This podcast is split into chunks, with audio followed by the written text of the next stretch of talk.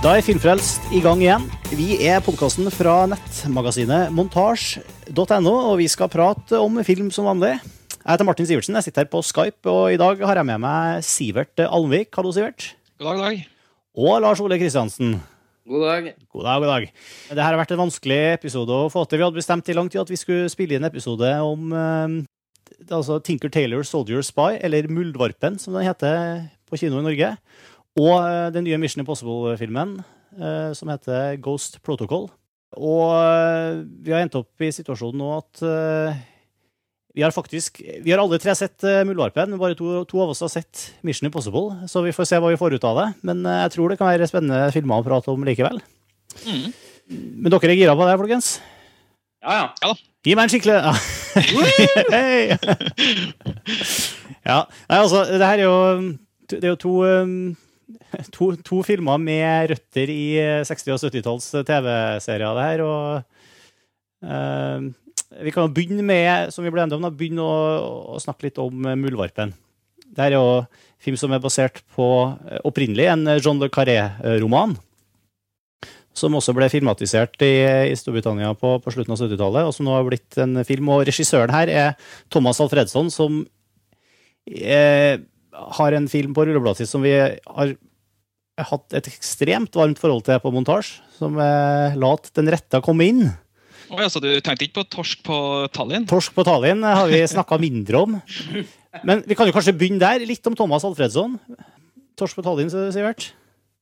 Ja, det var vel mitt første møte med Alfredsson. Så hadde det ikke vært så mye fram til jeg så da la den rette komme inn, da. Så jeg føler at han har hatt et lite sånn hopp i hvert fall i hvordan film, film, film, filmene hans ser ut, da. Mm. Skal jeg, skal, jeg, skal jeg innrømme at jeg har ikke fulgt med så ufattelig mye på han, men Altså, han er jo Han har vært regissøren til den komikergruppa eh, som heter Killinggjenget i Sverige. Eh, med Robert Gustavsson og han her Å, oh, hva er det han heter igjen? Han, han, som spiller i Solsidan, blant annet. Og som også spiller uh, Kenny Skywalker på Nei, ja, altså ja, ja.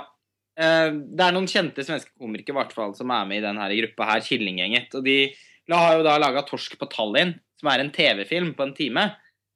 Som har en veldig sånn dokumentarisk uh, Altså, den illuderer jo på en måte en TV-dokumentar. Som er fryktelig morsom. det er vel noe av det morsommere jeg kan huske å ha sett, tror jeg faktisk. 'Torsk på Tallinn'. Og så har de jo laget en film på nesten fire timer som heter 'Fire nyanser av brunt'. Og for den filmen så fikk jo Thomas Alfredsson måtte mer sånn kunstnerisk oppmerksomhet. Den, det er også en film i, i humorsjangeren som på mange måter ligner på de andre tingene Killinggjengen har gjort. Men det har en litt, den har en mye større ambisjon, da. Og for den, og den filmen, for den filmen så vant jo Thomas Alfredsson Gullbagge for beste regissør, og den filmen ble også satt opp på kino i Norge. Jeg husker at den fikk terningkast seks i Aftenposten, i hvert fall når den kom. Uh, og Det er også en, det er en litt ujevn film, syns jeg, fordi den er så fryktelig lang.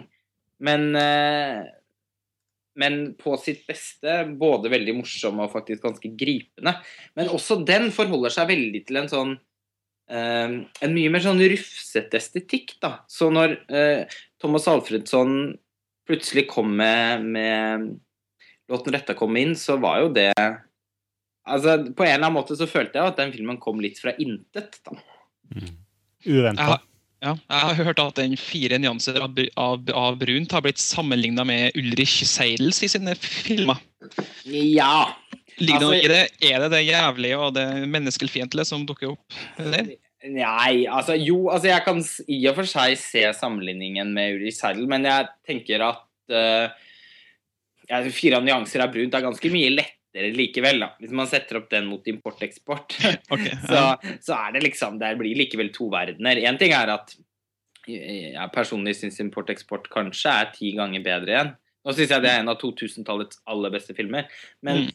Eh, men eh, den Altså, nei, altså det er mye mer kødd, da, rett og slett. Det, en, det er ikke det. Det fins en dybde Det fins absolutt en dybde og substans i den filmen, og det er noe underliggende der som er veldig sårt. Men, mm. først og fremst er den også veldig morsom, da. Robert Gust Gustafsson, det er jo grenser for hvor gripende det kan bli. på en måte. Så, men han går jo da i, helt klart i ganske sånn nye retninger, med utspring fra, fra komikk og, og Det som du sier, lurvete estetikk, så er det nå liksom til La den rette komme inn, og nå det er Tinker Taylor Soldier Spy, som er liksom fire nyanser av grått. Mm. Ja, fra fire nyanser av brunt til fire nyanser av grått. Uh, ja, eh, det må heller ikke helt glemmes da, når vi først liksom skal uh, gå gjennom Alfredsson. Så uh, det virkelige gjennombruddet hans, det var jo Og det, dette var før Killinggjenget igjen. Det var jo at han står jo bak filmatiseringene om, av Bert. Den populære svenske Basert på populære svenske ungdomsbøker. Var, jeg vokste i hvert fall opp med Bert på, på barne-TV. Eh, så hele den serien om Bert og den filmen, 'Bert den siste oskulden', den er da eh, regissert av Thomas Alfredsson. Har dere noe forhold til Bert? Nei. Nei, jeg var vel såpass Begynte vel å gå ut av barne-TV-alderen på den tida den kom. Det var vel på slutten av 90-tallet. Ja, ja, men det var ikke helt barne-TV, skjønner du. Fordi okay. det, sånn, det, ble, det, ble, sendt eh, Det ble ikke sendt klokka seks, det ble sendt halv sju. Ah, ja, det var ungdom? Eh. Ja, det var ja. sånn spørresegmentet som uh, Bert eh, skulle nå. Ok, ja. Nei, jeg kan, kan, ikke huske at jeg så det. det jeg... Nei. Nei, nei, jeg husker jeg så det, i hvert fall. Jeg mm. tror, tror, det er mange i min, i min, generasjon, som dere er litt eldre enn meg, eh, som, som, har vokst opp med Bert. Og det er også liksom Thomas Alfredsson, da. Så, det, det, var der han begynte. Og så har han jo Han er jo også Nå blir veldig mye babling, da. Eh, du skal gjøre dette her fort, men han er jo også, det er viktig å si da, han har en bror som også er en kjent svensk filmregissør som heter Daniel Alfredsson. Daniel Alf Alfredsson har bl.a. laget de gamle, gamle Beck-filmene med Jøsta Ekman og Kjell Bergqvist. Uh, 'Mannen på balkongen', for eksempel, som vant Gullbalget for beste film, som er en glimrende thriller. Han har også laget en thriller som heter 'Tikk Takk', og de to siste filmene i Millennium-trilogien. Uh, 'Flikkan som lekte med ilden' og, og 'Luftslott'. Mm. Det er broren til Thomas Alfredsson. Og faren til Thomas Det vandrer det encyklopedi! ja, det, det, det, Alfredsson, det er Hasse Alfredsson, som er den ene i duoen Hasse og Tage. De som har laget uh, At Andgjøran brygga og Picassos eventyr og Slepp fangerne loss det vår og Den ensomme uh, enskilda mørderen, som var Stellan Skarsgård sin gjennombruddsfilm. Eh, som også er veldig sånn folkekjære veldig folkekjære filmkunstnere i Sverige, som har laget noen helt fantastiske filmer. Nesten alle med Jøsta Ekman i hovedrollen. Vi spesielt anbefaler Picassos eventyr. Den er helt hysterisk. Og Det er da eh, Hasse Alfredsson. Og Hasse Alfredsson er også skuespiller, som er veldig profilert for sin voldsomme skånedialekt. Så han Eh, han, han kommer jo altså, Thomas Alfredsson er jo liksom født inn, virkelig født inn i en filmfamilie, da. Så det tenker jeg liksom må, fordi Nå sitter jeg bare og venter at vi kommer på til Kevin Bacon. Her, nå. Six ja. degrees Men det er liksom jeg tenker, eh, Fordi når jeg så låten 'Rette komme inn', og når jeg så 'Muldvarpen' nå, så ble jeg nesten, blir jeg nesten helt satt ut av å tenke Nei, men i all verdens land og rike, hva er dette? Hvordan kan han være så flink? Altså, han er liksom en mm. sånn fiks ferdig mester. Eh, selv om han egentlig har hatt en lang karriere, så er det først nå han virkelig har begynt å lage ordentlig film. Og det føles liksom helt sånn uprovosert at han er så dyktig. Men igjen så vil jeg jo tro at, bak, at det ligger sannsynligvis i blodet hans, da, rett og slett. Mm. Sånn, det var veldig langt. Beklager. Monolog. Ja, men da vi da får litt sånn uh, satt, satt, litt uh, Alfredsson Jeg skulle til å si Alfesson-dynastiet. Ja, det er litt Uh, men skal vi ta litt sånn uh, kjapp runde på uh, bare sånn innledningsvis, før vi går inn i detalj, egentlig. Og bare for å si det til lytterne, vi kommer til å spoile de filmene her. Både mm. Muldvarpen og Mission Impossible må vi kunne prate om på en måte som avslører hva som skjer i filmene. Vi må stå litt fritt til det, så hvis dere ikke er interessert i å høre det, så kan dere se filmene først, og så komme tilbake til til podkastepisoden her. Betyr det at jeg må få spoilet Mission Impossible 4? ja, da? Ja, det, men det er, sånt, det, det er straffen. Ja, det er et sånt oppdrag ja, som, som, egentlig tilsynelatende er umulig, men som viser seg å, å gå likevel. Ja, men det er ikke ja, OK. Uh, men, men kan vi med si hvert, sånn kort også, hva, uh, liksom, uh, hva syns du om Tinker Taylor Soldier Spy? Uh, veldig kort fortalt så mistenker jeg at dette blir vel min favorittfilm eh, av filmåret 2012. Yes. Eh, Det var en film som, som traff meg såpass bra. Jeg måtte jo se den hvert fall tror jeg så den tre ganger. Fire, fire, fire ganger. Oi, oi. Og gangen så jeg den fordi at jeg skjønte jo ikke bæra. Tenkte, å, dæven, hva er det som foregår? Her, må jeg, jeg forsøke å ta igjen. Så det, nei, dette tror jeg blir min årets eh, Og så la meg gjette. Tredje gangen så følte du at du forsto alt, men så fjerde gangen så skjønte du litt mindre igjen. Nei, fjerde gangen så begynte jeg å oppdage en del ting som jeg ikke har oppdaga før. Sånne små detaljer som jeg liker veldig godt å finne i filmer. da. Blant annet sånn der, eh, ei ugle som blir slått ned.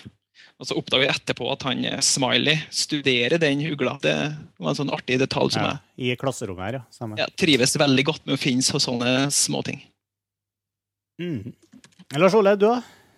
Ja. Er det din årets eh, favorittfilm allerede i januar-februar? Nei, det er ikke det. Eh, og det er fordi eh, Nei, den er nok ikke det uansett, for jeg har sett et par filmer i år som har gjort så voldsomt inntrykk på meg. Eh, men eh, Men dette kan ha noe med å gjøre at jeg har sett den bare én gang. Og jeg hadde også lyst til å prøve å få sett den en gang til før vi skulle ta opp den podkasten, men det rakk jeg ikke. Eh, jeg skal se den i hvert fall en gang til eh, mens den går på kino. Fordi det Den var jo fryktelig vanskelig å forstå. Altså, den er så Den har så den, er så informasjonstung. Og den er så komplisert fortalt at uh, jeg hadde veldig vanskelig med Og jeg, mine sånn kognitive evner til å kunne forstå en, til å forstå historiefortelling, de er ikke sånn helt De er ikke spesielt fantastiske. Eh, jeg trenger gjerne å se ting et par-tre ganger hvis det, er, hvis det er veldig vanskelig fortalt. Og jeg syns at um, jeg syns det var litt vanskelig å få oversikt over hvem som var hvem, hvem som hadde gjort hva mot hvem. Eh, altså, og hva som var på en måte bakgrunnen for karakterenes handlinger. Da. Det syns jeg noen ganger var rett og slett veldig vanskelig å følge med på. På tross av det så syns jeg likevel det var en ganske hypnotisk eh, filmopplevelse. Eh, estetisk sett eh, og filmspråklig så er jo dette helt mesterlig. Altså Mm. helt hinsides bra. Eh, mesterklasse. Det er altså, altså bare scenografien i filmen og, og foto til Hoite von Hoitemann, som er en, en helt avsindig god fotograf. Han har jo ikke bare gjort låten 'Rette komme inn', men også gjorde også en av mine favorittfilmer i fjor, det, 'Flikkan'. Som har en ut, utrolig nydelig eh, visuelt uttrykk, som også er veldig prisgitt hans fotoarbeid. Da. Og han, her bare overgår han seg selv. Og en, men altså, scenografi og, og, og lyssetting og sånn, det er bare det er helt drøyt faktisk hvor bra det er. Jeg Mm. syns det er vanskelig å beskrive det, for jeg kan ikke rettferdiggjøre det med ord. Det må virkelig oppleves. En annen ting er selve filmspråket, altså hvordan uh, Alfredsson setter opp en scene gjennom altså, valg av kamerakjøringer, klipp, den rytmen som han klarer å bygge, måten han iscenesetter eh, figurene på i de rommene de er i. Det er bare helt drøyt hvor bra det er.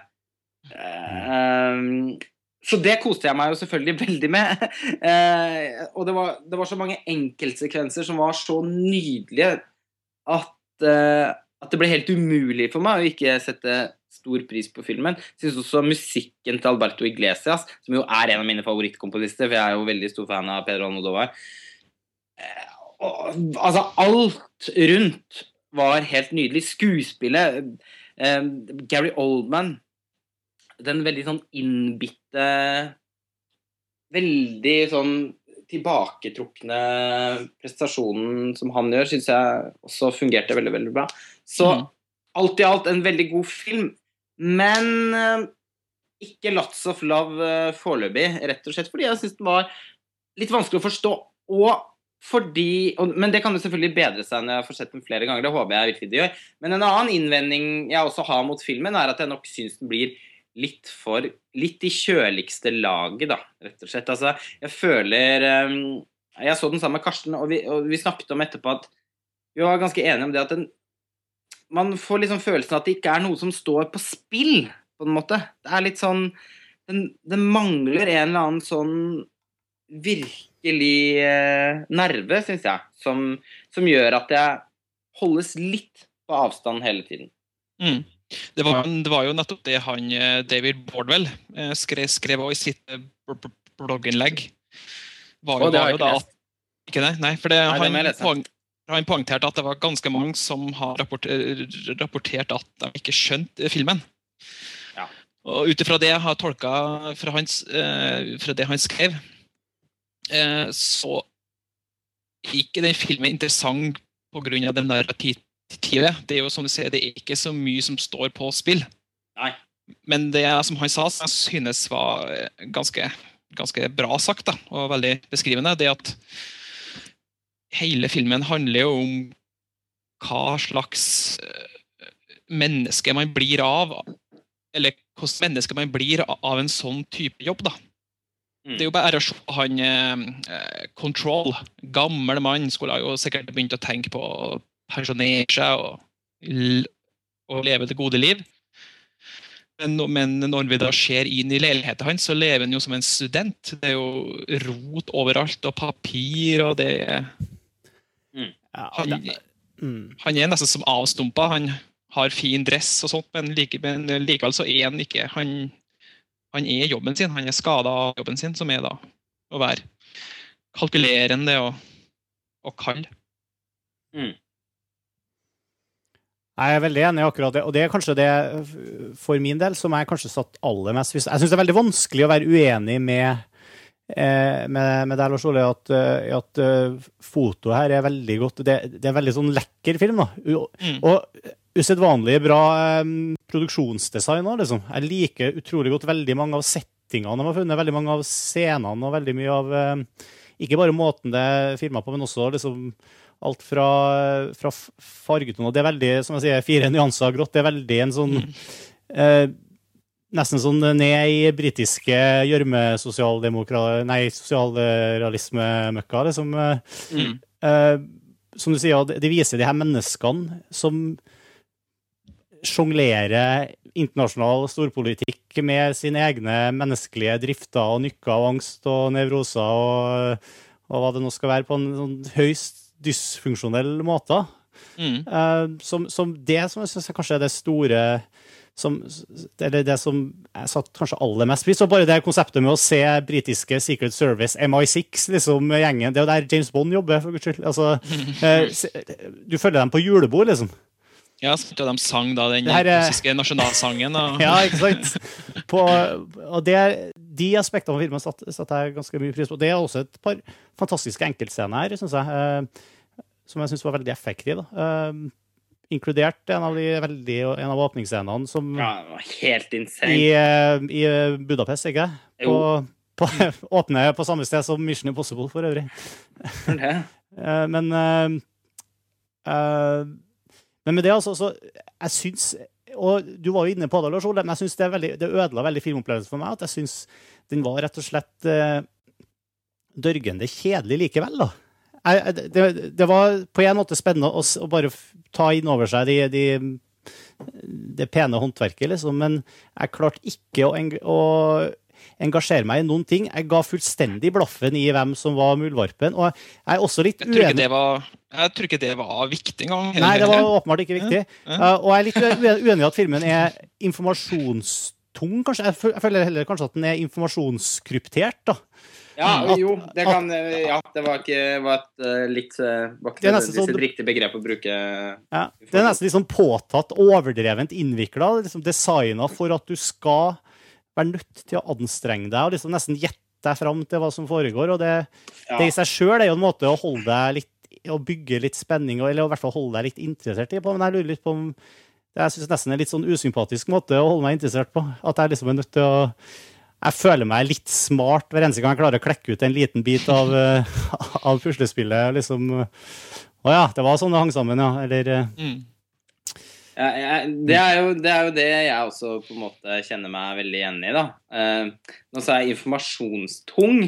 det var kanskje egentlig veldig feil begrep. Selv om jeg også føler at det var veldig mye, altså det var mye informasjon i form av at det er veldig mange navn og veldig mange karakterer. Det er veldig mange tråder i den historien å skulle forholde seg til. Men først og fremst så er den jo, som du sier, Martin, at den føles krypter. Altså så fryktelig kryptisk. Og det er liksom som at manus er konstruert på en måte som at, at det er laget for at tilskueren i størst mulig grad skal måtte anstrenge seg da, for, for å forstå historien. Og filmen er blitt Oscar-nominert for beste manus, og jeg, jeg, synes, jeg er litt sånn skeptisk til det. Jeg syns jo dette på mange måter jeg, altså, jeg syns ikke det er historiefortellingen i denne filmen som er spesielt god. Da hadde jeg jo, nett, som, da hadde jeg jo blitt mye mer revet med i historien. Og jeg lurte heller aldri, ble heller aldri veldig, veldig engasjert i hvem som var muldvarpen. Og du kan si det, Sivert, eh, at, at det er nok heller ikke filmens intensjon. Men sammenlignet med altså Den er jo likevel en slags sånn deep throat-film, da. Og mm. sammenlignet med f.eks. Eh, ta en film som Michael Clayton, da, som jeg syns det var naturlig å sammenligne Tinker Taylor Soldier Spy med. Jeg har tenkt egentlig på Den indre sirkel. Ja, den er jo også mm. ganske kryptisk, mm. mener jeg å huske. Og veldig lang. Mm. Og, mm. og, og, mye svakere også enn Tinker Taylor, syns jeg. Mm. sånn som jeg husker den. Men, men, ja, det er en riktig god sammenligning. Men jeg tenkte også på Michael Clayton. Eh, og Michael Clayton er en ganske avansert film når man ser den første gang. Den husker jeg også måtte se to ganger eh, for, for å forstå alt. Men den hadde jeg likevel mye med en mye sterkere emosjonell opplevelse av å se første gang. Fordi at karakterene i den var på en måte bare mer umiddelbart engasjerende, og den hadde en sånn Den hadde en underliggende, en underliggende uro i seg, og en, og en stemning som gjorde at jeg virkelig følte noe for universet og for karakterene, da, uten at jeg alltid visste helt hvorfor. Og, og i, i, sammenligningen da med en film som Michael Clayton, så, så, når da for meg ikke Tinker Taylor helt opp dit, rett og slett fordi det er så, så vanskelig å la seg virkelig engasjere, da. Det, det, tror jeg bare at du må se den igjen, bare for å Ja, men, men det, det er jeg altså. Ja. For det, jeg følte sånn, for jeg, når jeg med en gang hadde sett den, så var jeg ikke helt sikker på hva jeg hadde sett. for noe, Men jeg merka at det var noe der som som, jo, som, som gjorde at jeg ble fenga. Eller det kan jo være for at jeg liker akkurat den type film fra før. da, At jeg har en forkjærlighet. Men det, jeg tror den vil vokse på deg med en gang du ser den igjen. at du ja, men jeg, jeg, jeg, håper Altså, jeg regner med det, altså. Jeg, mm. denne, denne, vurderingen må få lov til å være helt uh, foreløpig. Det kan, kan godt hende denne ender opp på min topp ti-liste når det er slutt. Hvis jeg, jeg, har fått eh, sett den flere ganger. Fordi det er i utgangspunktet en sjanger jeg er veldig glad i. Så, men jeg rakk dessverre bare å få sett den én gang, og da, og da, er det litt det inntrykket jeg sitter med, da. Foreløpig. Mm. Men, men det, er, det, er veldig, det, er, veldig, fascinerende du på, Sivert, det å sitte og stirre inn i Unnskyld. Eh, de, ansiktene til de, flere av de figurene i, i The Circus her, liksom de utrolige livene de har levd, liksom, og hvor utrolig kald og kynisk og eh, De må ha det helt, eh, helt jævlig, liksom. Er det her eh, James Bond sitt når han, blir, når han fyller 80, liksom? Ja, sant. Men eh, hva, hva annet er det å, å, å si egentlig om, om, Tinker Taylor Soldier Spy? Jeg kan jo, For min del er jeg ganske sikker på at den ikke handler på topp 10-lista mi, og nettopp fordi at eh, jeg hadde Ja, jeg syns det er vanskelig å, å, virkelig ha det gøy med filmen her, da. Mm. Nå er ikke jeg så veldig keen, eller jeg syns jo å lese, Blæs bøker er fryktelig gøy.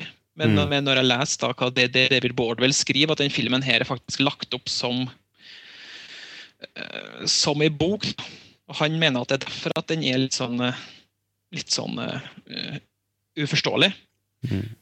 Nå har jo, nå har jo eh, John Le Carré-bøker blitt filmatisert 18 eh, millioner ganger før. Mm, mm. Forskjellige Og der har, det har jo, uten å bli så eh, innsnirkla og, og vanskelig tilgjengelig som den her. Ja, sant. Jeg, sånn som jeg har skjønt det, så har de forsøkt å, å legge film, filmspråket opp til eh, mer opp til hvordan boka var da eh, skrevet. At det er litt mer sånn eh, hva det, men, dette, men dette har jo Bård vel skrevet om før. Han har jo skrevet et innlegg eh, som heter 'Reading the Film Page by Page', hvor han skrev Mm. om uh, The Ghostwriter og The Girl with Dragon Tattoo. Den, og, eller altså jen, uh, Menn som hatt kvinner, for det var den svenske versjonen han skrev om i, den gangen. Um, og, men uh, ta for eksempel The Ghostwriter, da, som, som også er Den er liksom også veldig tydelig basert på en roman, men den er jo fortalt med liksom et utrolig der, der er det liksom en veldig fremdrift i fortellingen, da, og den er fremstår jo helt krystallklar. Mm. Eh, Så jeg, men jeg tenker jo at dette også har noe med John Le Carré sitt opphavsmateriale å gjøre. Altså ikke Jeg tror ikke liksom det at den er Altså det at dette er en filmatisering av en bok som forholder seg til boka Jeg vet ikke, jeg tror ikke det nødvendigvis har noe med det å gjøre. Jeg tenker at har- jeg har aldri lest en bok av John Le Carré, men jeg har jo hørt at fortellingene hans også er ganske mm, komplisert fortalt også i romanform, da. Mm. For det blir jo lettere å lese en bok eh, som er veldig oppstykka og hopper i tid uten å si fra. Ja, for du kan jo Mens i- stoppe opp og tenke. Ja, sant? Mens i film så må du bare forholde deg til det som skjer. Og, det, og også når det ikke blir markert klipp i tid, da, så vet du ikke helt hvor det er hen. Nei. Han har vel eh, for det, eh, det er vel John Le Carré som har skrevet til Constant Gardener også, tror jeg. Den filmen nå var jo Ja, Ja, men der, ja, men der hadde du mer eh, synlige tegn på at den klipper i, klipp i tid, da. Så den var jo litt mer forståelse.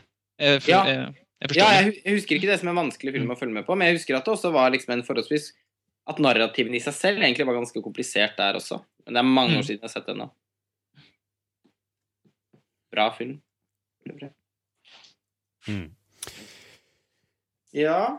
Nei, skal vi, skal vi benytte anledninga til å hoppe over til en annen film som også åpner i Budapest, og som eh, blant annet, blant annet omhandler russere og amerikanere. Det var vel mest, det mest briter i Tinker Taylor Soldier Spy, men det var jo en, eh, en russisk-sovjetisk sovjetisk dimensjon der òg. Mm. Nei, en, eh, skulle til si en, en, en USA-sovjetisk eh, kalde krigen-dimensjon. Her er jo uh, Mission Impossible 4. Den heter jo faktisk ikke Mission Impossible 4, selv om det er den fjerde eh, filmen i, i rekka nå. Um, Ghost Protocol regissert av Brad Bird, som eh, vi som faktisk har ganske få filmer på rullebladet, men de har jo tidligere vært eh, helt på øverste hylle alle sammen så langt. Eh, The Iron Giant, Incredibles, Ratatouille og Har jeg glemt noen? Nei, det er de. Det er de tre. ja, det kanskje- mest bemerkelsesverdig er vel ikke kvaliteten på det, men at det er jo animasjonsfilm. Ja, De har vært animasjonsfilmer, de tre forrige. Så det er jo også bemerkelsesverdig gode animasjonsfilmer. da. Ja, ja, helt det. Altså, virkelig. Jeg, jeg, jeg syns jo The Incredibles eh, kanskje er Pixar sin fortsatt er Pixar sin beste film. Mm. Så jeg er ganske fan av Brad Bird sine ting. Men dette her markerer jo hans eh, overgang fra animasjonsfilm Ja. til eh, ja. ja. jeg kan jo allerede si at jeg er ganske sikker på at vi vil få se ganske mye mer Brad Bird. Eller jeg antar det, i hvert fall. At hvis det her er hans første live action-film, og den er jo allerede en dundrende suksess, eh, så er det vel eh, all grunn til å tro at vi får se flere Brad Bird-filmer framover. Ikke én hvert femte år, liksom. Men, Ja. eh, men, men han, han føyer deg, det er hans fjerde film her, og det er jo den fjerde Mission Impossible-filmen. De tre andre har jo også vært regissert av Ja, det var, det, det var De Palma først, og John Woo Mm. hadde toeren. Mm. Og JJ JJ Abrams. OK, det var han, ja. De Eh, har hatt profilerte regissører, alle sammen. I hvert fall som har vært veldig profilerte i sin tid. Nå John Woo har jo på en måte sluknet litt, eh, litt hen, men han var jo virkelig top of the pops da han fikk det oppdraget. Da hadde han nettopp laget Face Off, som Mm. jo selvfølgelig er en av 90-tallets beste actionfilmer. Ja, men han, hadde jo, han har jo en eh, trøblete Hollywood-track record, han. Ja, det gikk ikke helt veien. Selv om det er vanskelig å Face Ja. Face var jo høydepunktet, desidert. Ja, uten tvil. Eh, så var det jo Altså, jeg husker jo at man Jeg husker at jeg likte Broken Arrow som en sånn søndagsfilm på TV2, og jeg må innrømme det. Ja, ja. Eh, men, men jeg Først og fremst må jeg, må jeg jo innrømme at jeg er litt sånn skapfan av, av Mission Impossible 2. Fordi jeg så den på kino da jeg var 14 år. Og, og, og kjøpte den på VVS og så den sikkert 10-15 ganger. så eh, jeg har alltid vært litt glad i den. Eh, til og med når jeg ser den nå. Så, så har- Mer enn eneren og treeren? Nei, nei, nei, nei, nei, den første filmen er Brian De Palma. Er du gal? Den er best. den, eh, det, det er hevet over Kommer ikke i nærheten av nå, det. Ja. Ja, ja, nei, det er hevet over enhver tvil. Jeg er jo Mm. Blodfan av Brian De Palma. Så det, det, men den tenker jeg ikke på som en Mission Impossible-film engang, nesten. Det er en Brian De Palma-film. Men uh, har du sett TV-serier nå? Det har vært to runder med TV-serier her. eh, Nei, jeg er ikke kjent med det. Nei. For jeg husker jo de også, fra, fra, fra 80-tallet. Eh, Det, var vel- det var vel sannsynligvis de som ble lagd på 80-tallet som jeg så da, tenker jeg. Men eh, det vært Det, det, var jo også en revival av TV-seriene fra 70-tallet på slutten av 80-tallet. Så Mm.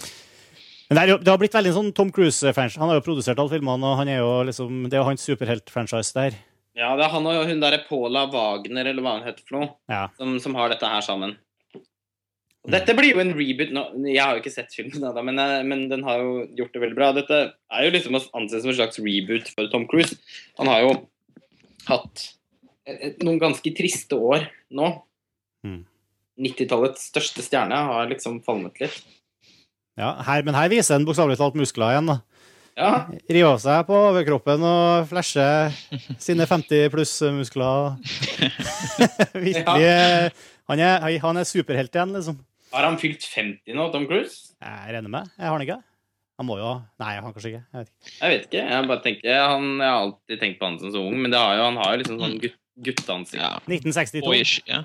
50 år. Han er- Mm. 49 år, ja. ja. Oi. Ja, Hvordan er ditt forhold til Mission Impossible, Sivert?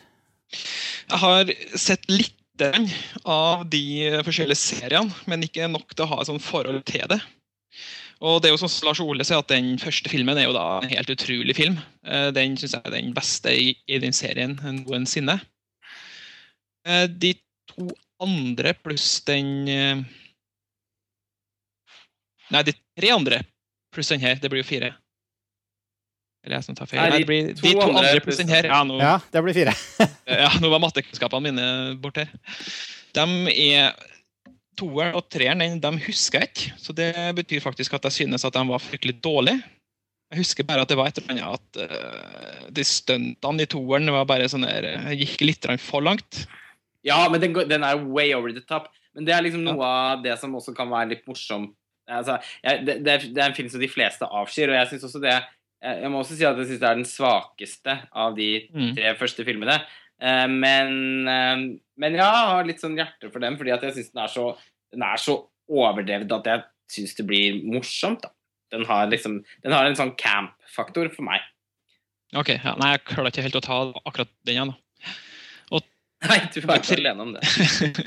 Eh, nummer, også, nummer, også nummer tre husker jeg kun starten av, når hun har et eller annet sånn sprenglegeme oppi hjernen som, som, som uh, sprenges. Det husker jeg. Ellers så er det at eh, jeg husker ingenting. Og jeg frykter det at Eller, eller jeg frykter ikke, da, men jeg regner med at uh, Ghost Protocol kommer til å havne i den kategorien av filmer som jeg bare glemmer. da. Mm. Lett uh, forglemmelig, som er vel montasje-trademark. Nei, men ærlig talt, det er noen, det er noen uforglemmelige Nei, jeg den ikke. Jeg satt hele tida og venta. Når skal det store, heftige tingen skje? Jeg følte at de hadde Den her var faktisk litt, underdrevet, følte jeg. Og litt sånn at De gjentok seg sjøl med at han eh, lå og svevde over noe sånn der magnet eh, Et eller annet sånn eh, magnet eh, eh, sånn, Hva heter det for noe? Sånn fjernsynt bil med magnet på. Mm. Sånn at han ene han, eh, han, Ja. eh, Hva heter han? Ja, Han hadde i hvert fall på seg en brynje, og så hoppa han ned og så ble han stoppa av en magnet. Ja, Brenner, Han- Renner, hva heter den? Uh, Ja, Renner, ja. ja Renner, Jeremy Renner. Mm. Så hang han da som eh, Tom Cruise i den første filmen. Ja, de gjorde en liten sånn så, replisert den legendariske scenen på en Ja, så måte. jeg følte, så jeg følte bare at den kom aldri til Det store, heftige actionscenene kom aldri. Eh, Den ene store i, i utafor Kreml, den var jo Syns jeg var bare dårlig gjennomført. Den var bare Men Vi har ikke sett samme film, vi, Sivert. Effektene var jo så latterlige. Det var som et dataspill å se på. Det høres ikke troverdig ut, Sivert. Den, Det er helt sant. Nei, det tror jeg ikke noe på. Ja, nå har jo ikke jeg sett den filmen, nå kan jeg være sånn, stille noen kritiske spørsmål. Altså, den filmen her, den har jo fått Altså, amerikanske kritikere har gitt seg over. Ja. Det, det må jo innebære en det, det kan jo ikke være så dårlig, dette her, som du sier. Nei, jeg syns overhodet ikke det er så dårlig som Sivert vil ha det men samtidig så, så er det en film med ganske mye svake sider. Og det som Sivert nevner med denne ro, den magnetroboten og sånt, det hører med til de eh, Det er liksom en tre-fire ting her som jeg godt kunne ha sett de hadde gjort helt annerledes, og som liksom virkelig trekker, ja, ja. Ned, trekker ned Også- helhetsopplevelsen for meg. Men, men, også men altså, den har jo virkelig de store actionscenene her, da. De, de er jo her. De hadde jo en potensiell som kunne bli skikkelig kul. Det var når han klatra utenpå eh, tårnet. Ja, det var jo så kult. Det var ikke noe kult, for de hadde ikke, du så aldri hvor høyt det var. Bare sånn et par ganger i starten, og så var han bare klina i, i, inni et vindu med en sånn hanske som ikke funka helt. Og så, og så gikk det bra, da. Han klatrer på utsida av en bygning i Dubai, som er Nei, verdens høyeste bygning. Høyeste Den er bygning, og det hadde de ikke gjort noe mer, eh, noe mer med. Fått til noe kule Nei, det Jeg syns, det, det var en kjempekul sekvens. da. Eh, det var det, var jo, det var liksom høydepunktet. Jeg syns også åpningsscenen i, eh, når de, i The Jailbreaket De rømmer fra fengsel i starten av filmen. Den scenen syns Ja, også var var utrolig Det var litt kult løst. Den var skikkelig drivende god, liksom. Ja, det var veldig gøy når Aran eh, gjorde en sånn gest til vaktene. At, ja, sånt. Nei, den var utrolig gøy. men det er utrolig tight action, syns jeg. Eh, særlig den åpningsscenen her. Og ja eh, Og så har du sånn Kremlin-scenen var helt gøy, men så syns jeg liksom de to store scenene her føler jeg var åpningssekvensen der, og uh, den klatrehøydepunktet som også var ganske tidlig i filmen, da. Eh, når de klatrer på den eh, på utsida av eh, Hva heter bygningen? Khalifa Burj Khalifa. Eller noe sånt. Mm, mm. Uh, og der er det jo faktisk Tom Cruise som er utafor bygningen, og han, han driver faktisk og springer langs fasaden av bygningen. da. Ifølge making of-videoen som jeg så på nettet her. Ok, ja. Så, så det er Nei, ikke jeg noe sånn blue screen-greie der, altså. Men uh, Jeg, klar, jeg, klarte ikke å se det store, grandiose i det. Det ble veldig sånn eh, jeg syns det var ganske svimlende greie. Men samtidig, Det er morsomt at dere er så uenige. Det... men, men samtidig så, så er jeg, er også ganske skeptisk. Altså, jeg syns det er veldig rart den har fått så utrolig god mottakelse. For det er en jeg føler at den lider av veldig mye av de samme symptomene som jeg syns de andre Mission Impossible-filmene lider av. Liksom, som er den herre de, de er veldig sånn ujevne, og de grenser til, til litt sånn idioti og, og gimmickry nesten hele tida. Det, er- det er jo poeng det du sier at de liksom skal være så over the top at det blir artig, men, men det er liksom jeg, Jeg blir så, litt sånn frustrert av måten actionfilmer nå alltid skal liksom drive og ut uh, spektakularisere seg sjøl. Altså, det er om å gjøre å liksom være mest mulig spektakulær. og Altså, jeg kan være helt eh, Det kan jeg være helt enig i. det er så utrolig altså, Et ekstremeksempel er jo selvfølgelig Transformers-filmene. Eh, liksom, men Ja, dem er jo det, går, det er så utrolig lenge mellom de her virkelig solide, gode actionfilmene, som, er- som, mm. som er det, liksom. Som bare det. Og, og øh, jeg føler at i segmentet her, i deler av Mission Impossible 4 her, så, så er den veldig god. Eh, Samtidig så syns jeg eh, siste halvtimen av filmen er nesten Altså, det er noe Det blir rett og slett ganske kjip og, og døll, da. Eh, Og klimaksscenen, den sluttscenen i det parkeringshuset, er jo så eh, Den er jo så uinspirert i forhold til det som har vært før i filmen. Jeg syns den var bare kjedelig og lang. Bare venta. Ja. Okay, kom igjen, jeg vet du vinner. Ta drit og Hopp ned i bilen, da. Du, Og, vi er ferdig med det. Ikke sant? De, hopper, de kjører Ja. opp og ned og hopper opp og ned og mister kofferten og opp og ned Ja. igjen. Og, det. Og epilogen eh, er også, også sånn, nesten sånn Sånn cheesy. klisj- Ja, tatt ut fra en sånn 80-talls ungdoms-TV-serie. Nå Mm. samler vi for å oppsummere opplevelsene våre over en eh, brus, liksom. Eh, ja, og, snakke om, om det og dele ja, følelser. så det, det er så mange ting som trekker ned her, da, føler jeg. Som, som en, jeg, jeg tror det er enkelte scener her som jeg kommer til å ta lang tid før jeg glemmer. Da. Og det taler til filmens store fordel. Da. Men eh, stakkars Mikael Nyquist. eh, Ja. Hvis jeg har vært han, så har jeg blitt sur når jeg har sett den klippen. Tidenes kjipeste bad guy.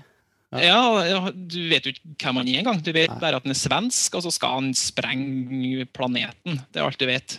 Svensk, gal og ond. Ja, eh, Du skjønner aldri hvor han, hvor han kommer fra, hva som er motivasjonen hans. Han er jo bare med knapt nok eh, 3 av tida filmen er i gang. Jeg skjønner jo at dette Ja, jeg, jeg ser jo at det blir litt ujevnt, da. Men, jeg, men jeg tenker at uh, det er jo i og for seg Altså, jeg syns det er svært få actionfilmer som, som virkelig er helt sånn renskårne, som, også som filmfortellinger, da. Det er det jo Det er, hører til sjeldenhetene. Det er lenge mellom en Die Hard og en Terminator 2, liksom. Ja, og det er akkurat de to eksemplene jeg skulle til å ta fra. Ja, akkurat det jeg savner da med Ghost uh, Protocol. Det, du har ikke en følelse av den uh, det er sikkert vanskelig å forklare, men du har ikke en følelse av, av at det, alt er, er, så massivt, alt er så stort. Jeg følte bare at dette var nesten en sånn liten sånn film som var laga på 80-tallet, som ble filma for TV. Nei, nei, jo, det kan jo ikke stemme. Fikk, jo, det er sant. Jeg fikk aldri den der helt at Oi, se hvor massivt det her er. Eh, verdensomspennende. Her er ja, gigantisk. De, ja, men bare det jeg har sett i traileren, ser jo ikke ut som en TV-serie fra 80-tallet. Og det er, fo er jo foto av Robert Elswit, og det må jo være litt sånn heftig no, Hæ? Jeg syns det var en ganske spektakulær film. Så det er vanskelig for å se Nei, Jeg har kanskje liksom. vanskeligheter med å forklare da, eh, ja. hva det jeg føler, men jeg følte bare at det var den store grandiositeten, om man kan si det, mangla. Den var bare ja, nei, liksom, men, Den var liksom slapp. Men det er liksom en, ja, men det er klart. Mm. Altså, det, det, er en føl det blir jo nesten en litt sånn abstrakt følelse, da. Ja, sant. Det blir jo det. Så, så, hvis det mangler det, så er jo det selvfølgelig filmen sin skyld, da. Men jeg tviler, mm. på, tviler på at den ser ut som en TV-serie fra. Eh, ja, du men, må se den, da, så får du se. Ja, jeg må, ja, ja, absolutt. Men, altså, men ærlig talt, jeg har sett traileren. Eh, men Brad Bird Nå kan det kanskje det bli litt merkelig å sammenligne med, eh, ettersom det er en animasjonsfilm, men, men jeg føler jo altså, ja, Animasjonsfilm i seg selv er ikke noe sjanger, da, det er jo et uttrykk. Men uh, The Incredibles er jo til dels en, uh, en actionfilm det er veldig en sjangerhybrid, da. Men hvert fall den siste, siste, akten i Incredibles er jo en, nesten en renspekket actionfilm. Også med veldig sånn klare 60-talls uh, 60 vibe over seg. Og eh, det syns jeg er noen av de mer velturnerte actionsekvensene jeg har sett, egentlig. Altså, der syns jeg jo han har en sånn fantastisk sans for rytme, Brad Bird. Og det syns jeg han har i, i Ratatouille også. Han, eh, både liksom, i klippingen og hele litt sånn eh, språket hans da, er, har, en, har, en, veldig dynamikk i seg. Det er jo jeg når jeg har hatt, jeg har hatt ganske store forventninger til den filmen her, selv om jeg ikke har fått sett den. Det er noe av det som jeg håpet på at har smittet over, da. Mm. Eh, har det det, eller? Altså, jeg syns som sagt jeg, jeg synes det er vel, altså, jeg synes stram regi her veier opp veldig for det som er et latterlig syltynt manus. Liksom. Det filmen har nesten ikke bein å stå på. Uh, men, uh, men det, du glemmer liksom det, da. Det, og det, det, er så opplagt at alt det som er her av uh, Alt det som er Det er blitt bedre, kanskje, personutviklingen. det er sånn underliggende plott, da, men det som er der, det handler jo bare om å få deg fra den ene actionscenen til den neste, og det legges nesten ikke skjul på at det er noe annet heller, da. Det, det er liksom det er, det er, veldig sånn oppskriftsmessig sånn sett. Ja. Så, og, og der, men der er det altså den jeg føler at det er eh, vel, utrolig velturnerte eh, scener, da, med i hvert fall et par av dem som, som, vi, som liksom holder på Som klarer å holde, kok, holde tempoet og holde koken på filmen. Um, selv om jeg syns det ebber veldig av på, i siste halvdel. Eller... Ja. Det, legger, det legger opp til en femmer, da. En, jeg, vet, jeg, vet, ikke hva planene er, men den legger veldig opp til at det skal komme en, skal komme en ja, sånn, ja. Mm. Ja, altså Det er jo vanskelig å Jeg ser, ser ikke for meg at de har lyst til å gi seg nå. Det blir, det, jeg tror den har spilt inn utrolig bra på kino allerede. Og mm. det har jo Jeg vet ikke hvor bra den har gjort det i Norge, men det, det er vel en uh, blockbuster av, uh, av dimensjoner allerede. Og mm. Tom Cruise har jo åpenbart mer superhelt i seg, så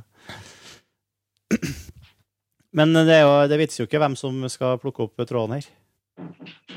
Nei, det, det, har jo aldri vært en regissør som har, som har laget mer enn én Mission Impossible-film. Nå er det jo ikke så fryktelig mange Mission Impossible-filmer heller, da. Det er jo ikke en franchise som James Bond, liksom, hvor det er, det er, det er jo fortsatt bare fire over 20 eh, år. Mm. Så, så, så, vi får jo se. Men jeg, jeg syns jo det er morsomt hvis de fortsetter å bytte ut regissøren. Da. Jeg, jo, jeg liker jo Mission Impossible 3 også veldig godt. Eh, jeg syns jo JJ Abrams i den filmen Han strippet jo ned uttrykk Altså, den, den første er jo Brian De Palma, så den ser ut som Brian De Palma. Den ser ut som Brian De Palma. eh, og toeren har en veldig sånn er, er veldig sånn tendensiøs for 90-tallet.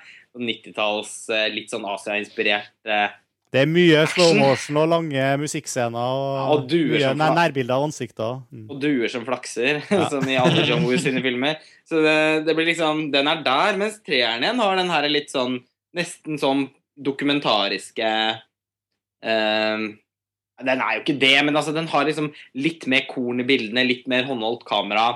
Litt mindre vistaer, mer eh, flere close-ups. eh. Den, den- har en litt mer sånn intens eh, eh, tilnærmingsmåte, da. Eh, og det, og det syns jeg funka veldig bra. Jeg. jeg har alltid tenkt på den Mission Impossible 3 sånn, sånn, som den kanskje mest sånn strømlinjeforma, men samtidig mest effektivt fortalte Mission Impossible-filmen. Den husker jeg som fryktelig spennende, men jeg har bare sett den én gang. Altså. Men hvem hadde vært eh, drømme eh, drømmeregissøren på en femmer? Brian De Palma. nei, nei, men de klarer jo ikke å de Eller eh, Christopher Nolan på manus og regi? Da hadde det blitt noe. Da hadde det blitt saker. Christopher Ja. Nolan kjører en uh, treatment på Mission Mm. Impossible. Men jeg vet ikke om jeg har så lyst til at han skal kaste bort tid på å lage Nei, men de har jo på en måte gitt seg sjøl litt Altså, de har jo gått bort fra eh, liksom Mission Impossible Det heter jo ikke Mission Impossible 4. Den heter jo nå bare Mission Impossible kolon Ghost Protocol. Så de har jo tydeligvis en eller annen plan, kanskje, om at Det er jo en grunn til at de har gjort det. Mm, det er sant. eh, uten Ja. at jeg vet hva, hva det er, men også det indikerer jo kanskje at her eh, Er ikke det bare fordi de tenker at Mission Impossible 4 er en litt sånn kjip tittel, da? Det... Ja, at de ikke skal liksom eh, Man skal Å, Politiskolen 7. Ja, ja, ikke sant? Politiskolen er et veldig fint eksempel å trekke fram der. Ja. Ja. Eh, husker alltid at jeg har satt veldig pris på den hvor de er i Moskva. Det tror jeg Det er noen grunn til at du ikke heter James Bond 23. Ja, ikke sant? Så det kan jo hende liksom bare Mission Impossible Ghost Protocol. Ok, det er Vi tenkte vel at det var fetere enn Mission Impossible 4, da. Ja, ja. Ehm, men vi er artig at vi er så uenige på det her, Sivert. Selv om Ja, jeg, men, jeg, jeg, jeg, jeg heller har ikke begge tomlene viftende over. Jeg er ikke sånn hoppende i sofaen Tom Cruise-begeistra her heller, altså, som jeg ser mange er. da. Mm. Jeg får vel kjeft i kommentarfeltet igjen nå fordi at jeg rakker ned på den filmen som alle sammen liker. Ja, men det er lov å rakke litt ned på den, for den er jo Det er jo eh, utgangspunktet eh, Faller den jo litt i amerikansk møl-kategorien, som eh, pappa ville ha sagt. Ja, sant? Ja. Men eh, likevel, altså. Jeg, jeg, det er vanskelig Jeg syns det er en energi her da, som er ganske Som er ganske ja, oppslukende. Mm. Så det. Men du, Lars Ole, du fikk ikke sett Mission Impossible, men uh, hva fikk du sett isteden? Nei, jeg har vært og sett en film som heter Young Adult av Jason Reitman. Jason Reitman som står bak Thank You for Smoking, som jeg syns Mm. var en ganske døll satire. Den hadde Nå? noen Ja, den uh, syns ikke jeg er så fryktelig Jeg er ikke så voldsomt begeistra for den. Og en av Men- mine eh, favorittfilmer, det. det. ja, ja, vi Ja, vi er og blir uenige, Sivert. Men, eh, men eh, Nei, men for all del, altså, jeg syns ikke det er noen ufilm. Jeg husker når jeg så den, så tenkte jeg at jeg syntes det var en veldig lovende debut. Men som ikke fengsla meg spesielt. Jeg syns rett og slett ikke den var spesielt morsom. Så han, var jo det store gjennombruddet hans Juno, som ble nominert til masse Oscar, og som vant Oscar for beste manus, som var skrevet av Diablo Cody, som tidligere hadde vært stripper og hadde en tatovering på ryggen, og da ble det masse oppstyr om det. Um, og så laget han Up in the Air, som jeg syns er hans klart beste film. Som også ble, fikk masse anerkjennelse, og som, som mange nok har på en måte kanskje avfeid som litt sånn lett på foten i etterkant, men det er ikke jeg helt enig i. da. Jeg har hatt en veldig annen opplevelse med den. Ettersom jeg har sett filmen flere ganger, så har jeg satt mer og mer pris på den. Jeg syns det er en film som, som både er veldig morsom i den den har veldig sånn tørrvittig humor som appellerer til meg. Og så syns jeg den speiler samtiden sin da, på en veldig fin måte. Så Vi har jo spilt inn en egen podkast, Filmfest-episode, om Up in the Air. òg. ja, jeg lurer på om jeg ikke var med på den. Nei. Det, det husker jeg ikke helt. Men jeg likte den filmen veldig godt, i hvert fall. Og, og Jason Reitman har jo uansett da, gjennom de tre første filmene liksom, liksom etablert seg som en sånn veldig stødig regissør. Som kanskje ikke har noe sånn sterkt personlig, visuelt uttrykk i filmene sine, men som uh, Han minner meg på mange måter litt om Alexander Payne. Altså, han lager litt sånn halvsatiriske filmer om uh, om amerikansk Veldig sånn veldig amerikan, distinkt amerikanske, litt sånn satiriske filmer med litt eksentriske hovedkarakterer. Det er på en måte det som kjennetegner alle de filmene hans. Så så måte minner han litt om Alexander Payne. Mm. Men imot, Alexander Payne har jo mistet bittet sitt litt. Nå har jeg ikke fått sett The Descendants heller, men eh, jeg har utrolig mye jeg må ta igjen på kino nå. Men, uh, men, jeg tror ikke jeg har truffet på en eneste person som ikke har fortalt meg at ah, nei, den var helt ok. og Sideways About Schmidt har liksom ikke De har ikke helt fulgt opp uh, det han begynte med, da, med Citizen Ruth og, og, og Election, som er veldig kvasse, svarte filmer. Mens Jason Reitman ser ut til å nesten gå i en motsatt retning. Han blir jo bare kvassere og kvassere. Og Young Adult, som da er hans nye film av året, eller fjoråret, med Charlize Theron i hovedrollen, er da en sort komedie, og en beksort komedie som sådan. Den er eh, virkelig Ja, den er pinlig. Og den er uh, man, no, I en, visse deler av filmen så er det nesten som man lider seg gjennom den. Fordi, den er, fordi hovedkarakteren er så flau og så fryktelig. Samtidig som hun er ganske elskelig. Det er en sånn eh, det er en sånn balanse her som, som, man turnerer veldig, veldig godt. Den eh, Jeg og Karsten så den på pressevisning eh, nå på, på mandag, og det var Altså, det var ingen i salen som lo, bortsett fra oss.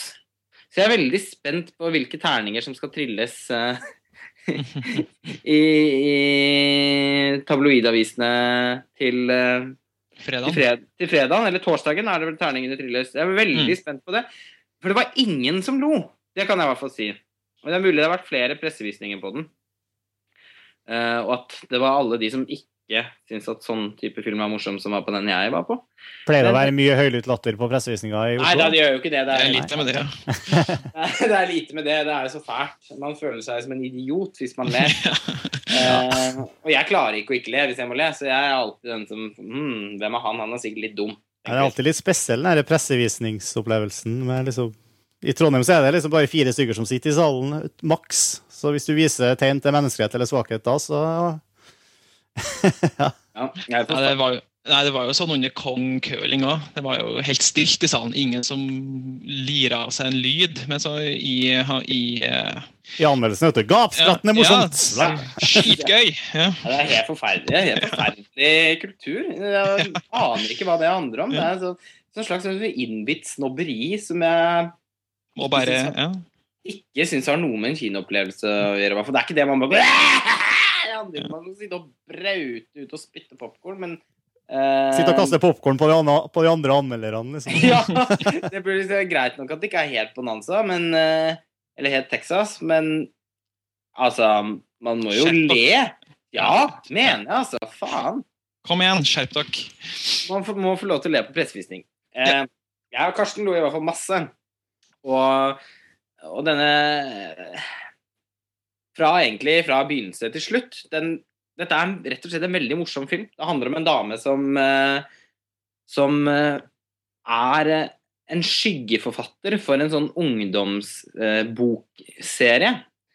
Som da går under kategorien Young Adult. Som og den serien har holdt seg levende i mange år, men går nå liksom synger på siste verset. Og hun sliter fryktelig med å skrive den avsluttende boka i den serien. Og sitter bare på internett på sosiale medier hele tiden. Og er stort sett alltid alene, for hun har ikke noen venner. Hun har bare en sånn liten idiotisk hund som hun lasser med seg overalt. Og så får hun plutselig en mail om at det er en av de gamle klassekameratene hennes som har fått et barn, og så skal de ha en sånn dåpsfest. Og det er en, hennes ekskjæreste som hun aldri helt har kommet over, så bestemmer hun seg for å dra tilbake til hjembyen sin for å late som at hun egentlig skal noe annet som er mye viktigere, men at hun i den forbindelse kan dumpe innom denne dåpsfesten. Mens hun da egentlig planlegger å forføre han eh, ekskjæresten hennes tilbake til seg selv, da. Vekk fra kona som han nettopp har fått et barn med. Som jo i seg selv er et helt idiotisk prosjekt. Men hun har ingen evne til å se seg selv. Dette er veldig fascinerende. Hun, på en måte, hun går rundt i en eller annen fantasi om at alle liker henne og ser opp til henne. Eh, mens faktum jo, uten å røpe for mye, viser seg jo å være det helt motsatte. Da. For hun er jo en utrolig ufordragelig person. Men det skap klarer altså Jason Reitman å lage veldig mange pinlige og morsomme situasjoner ut av. Kjempemorsomt manus av denne Diablo Cody. Og en helt fremragende hovedrolle av Charlize, Charlize Theron. Altså, At hun ikke fikk en Oscar-nominasjon for den rollen her, det er en skandale. Hun har jo vunnet Oscar før for den utrolig plumpe TV Norge-filmen 'Monster'. Hvor hun spilte den hun seriemorderen Aileen Warres, var det ikke det? det? Ja, Den tilnærma en sminke-Oscar?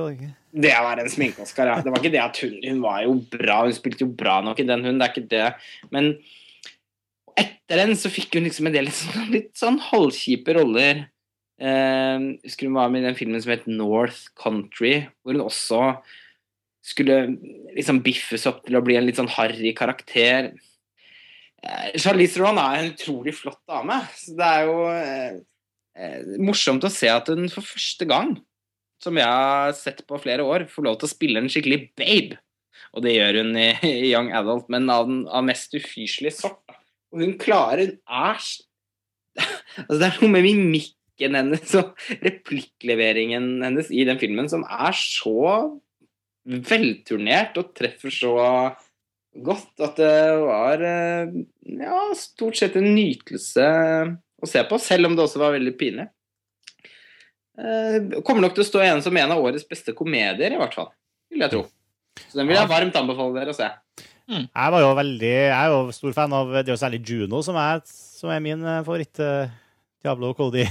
Ja, Rightman-greie. Det er jo litt det samme greia der òg. Liksom. Det handler jo utrolig mye om skarpt manus og Ellen Page som leverer replikkene liksom, en sånn, på en helt unik måte. Ja.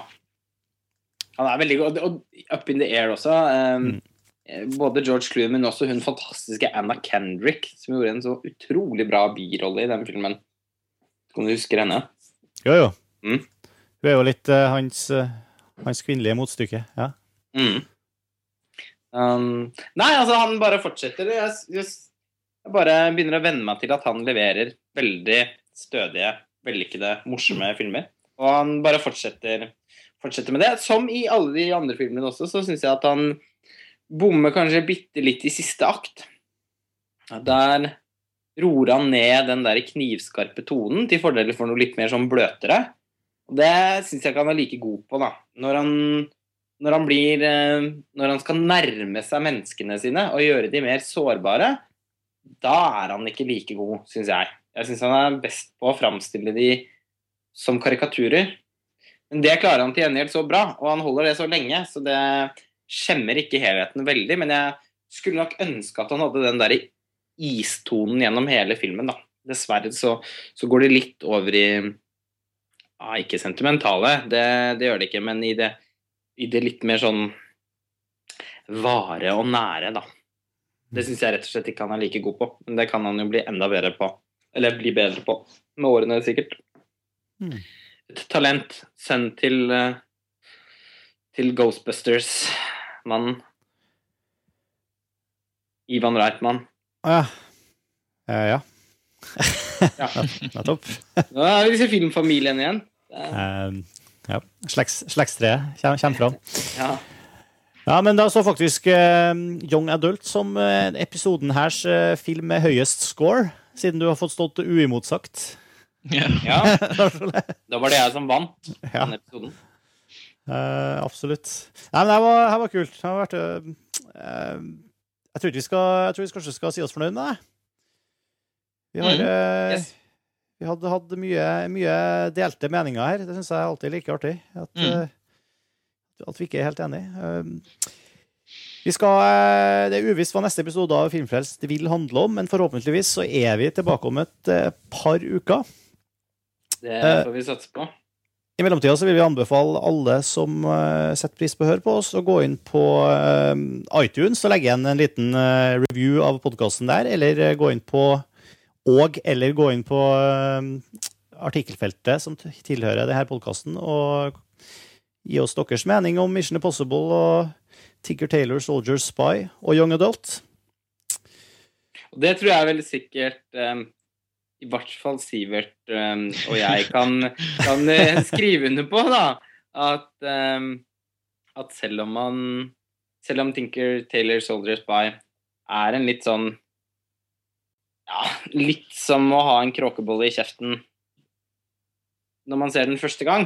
Så, så selv om jeg ikke har prøvd flere ganger ennå, så, så har jeg jo for meg at eh, den jomfruelige smerten kanskje går over da, når man, når man ser den igjen. For det er, det er fryktelig mye å, å sette pris på i den filmen som, som strengt tatt også etter bare én gang overskygget overskygget det innvendingene også hos meg, da. Det må jeg bare si. Jeg er jo, jeg er jo veldig enig i Sivert i at, at det er en veldig bra film.